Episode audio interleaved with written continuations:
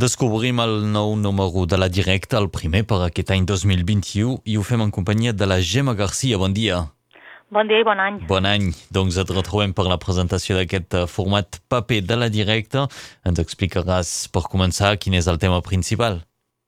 Doncs sí, inaugurem el 2021 amb aquest número 515 de la directa i obrim amb un reportatge sobre camps de golf els camps de golf i el seu impacte en els recursos d'aigua, en els recursos hídrics i concretament al País Valencià perquè hi ha 20 camps de golf, ai 20, perdona, 32 camps de golf al País Valencià, 20 dels quals es concentren a les comarques del sud del País Valencià, justament la zona que està en major risc de desertificació. No? Per tant, realment hi ha una, una contradicció i un contrast absolut perquè, perquè us feu una idea, un camp de golf de, de 18 forats, vale, que són entre 40 i 60 hectàrees, consumeix entre 300.000 i 500.000 metres cúbics d'aigua a l'any. Per tant, és un consum d'aigua realment molt elevat i té uns, uns, uns impactes molt forts.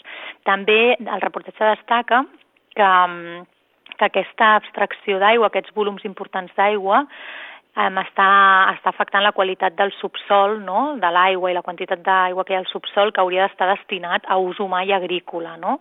Per tant, s'està derivant aquesta aigua cap a aquests usos eh, lucratius i, i d'oci, diguem, i també que l'ús de plaguicides, herbicides i fertilitzants en aquests camps de golfs de gespa, no? per mantenir la gespa, estan contaminant també aquestes aigües subterrànies, uns camps de golf que també són punt de llança per fer grans requalificacions urbanístiques amb tot el que això comporta i que també han anat lligats a alguns casos de, de corrupció.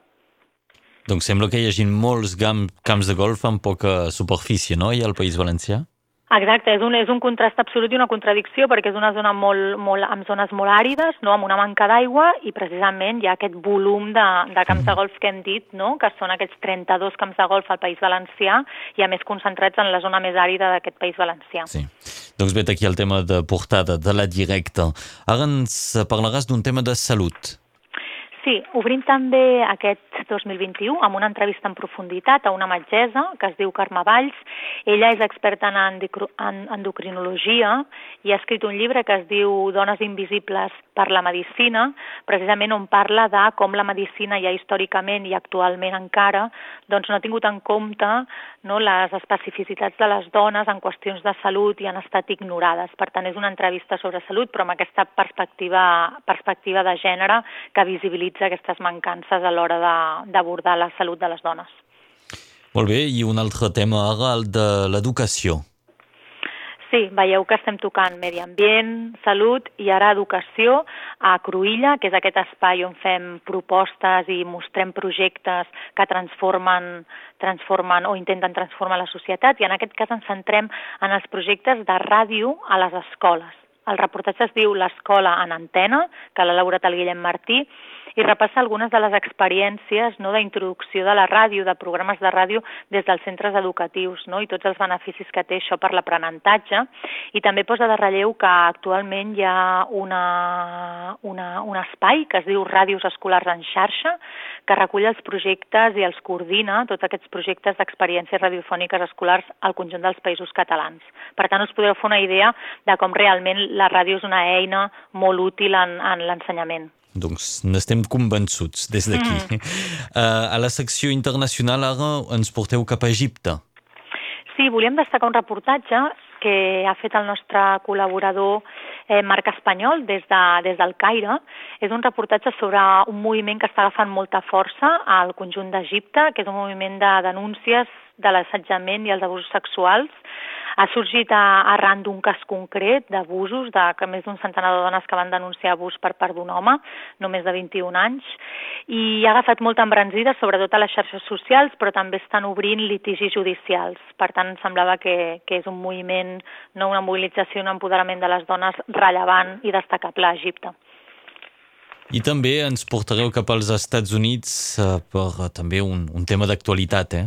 Exacte, no podíem deixar passar el tema de, de la victòria finalment de, de Biden als Estats Units, a més amb, el, amb l'assalt que, que va haver-hi recentment, i per tant Nico Lupo, que, que està allà, eh, ho ha viscut en directe, i fa una anàlisi sobre la situació que s'està vivint dins del Partit Republicà, no? un Partit Republicà que està realment dividit amb lluites internes, quines són aquestes lluites i ens situa una mica a què s'enfronta ara aquest Partit Republicà.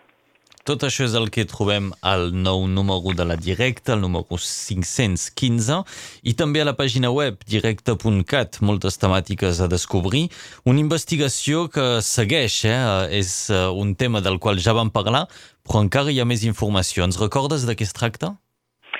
Exacte, és el reportatge d'investigació que vam publicar a finals d'octubre, que li hem anomenat, l'hem anomenat així genèricament identitats suplantades i que amb aquesta etiqueta, amb aquest hashtag, podeu trobar els vuit articles que hi han publicat sobre el tema, però tornem de les festes de Nadal amb novetats. Les novetats són que per aquesta trama de suplantacions d'identitats digitals de l'esquerra independentista, de mm, moviments socials, d'organitzacions sindicals que vam denunciar, es va utilitzar un número de telèfon, la persona suplantadora utilitzava un número de telèfon i el facilitava de contacte. Arran d'una investigació interna dels Mossos d'Esquadra de la policia catalana, doncs s'ha desvetllat que aquest número de telèfon va ser adquirit, comprat, aquesta línia telefònica amb un DNI fals un, un fet punible, no? que, que realment és un, un, un fet delictiu que s'afegeix pues, a, a, a diversos fets delictius que ja desentranyàvem amb el reportatge d'investigació. Però a part d'això, també ja vam comentar abans de les vacances que un agent de Mossos d'Esquadra havia estat suspès de funcions i expedientat com a eh, persona vinculada a aquesta trama, com a única persona vinculada a aquesta trama. I en aquesta, en aquesta documentació a la que hem accedit, doncs també eh, es diu que aquest agent justament va, va realment crear un dels correus de suplantació d'aquesta gran trama. No? Per tant, encara queden coses per descobrir, però bueno, anem, anem afinant i anem coneixent més detalls d'aquesta trama d'espionatge polític.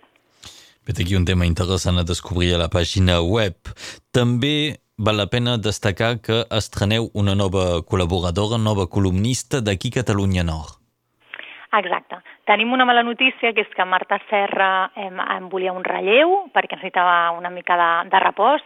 Això és una mala notícia, però la bona és que s'incorpora una nova persona, una dona des de Perpinyà, que és Estela Rodríguez, que és professora i forma part del moviment feminista, i s'inaugura amb una columna que es diu de feminismes a Perpinyà, que com, en, com, com ja indica el títol ens parla del moviment feminista a Catalunya Nord i ens descobreix la coral feminista i antifeixista, que és una coral que acostuma a cantar davant de l'Ajuntament de Perpinyà durant els Consells Municipals per recordar el batlle d'ultradreta doncs, les reivindicacions i, i, i la resistència, de, en aquest cas, del moviment feminista. Donc, si podeu retrobar aquesta columna d'Estela Rodríguez a la directa, directa.cat per la pàgina web, ens ho explicava la Gemma Garcia. Moltes gràcies d'haver estat amb nosaltres i ens anirem retrobant doncs, a cada setmana eh, per presentar el contingut de la directa. Exacte, no fallarem. Una Molt abraçada. bé.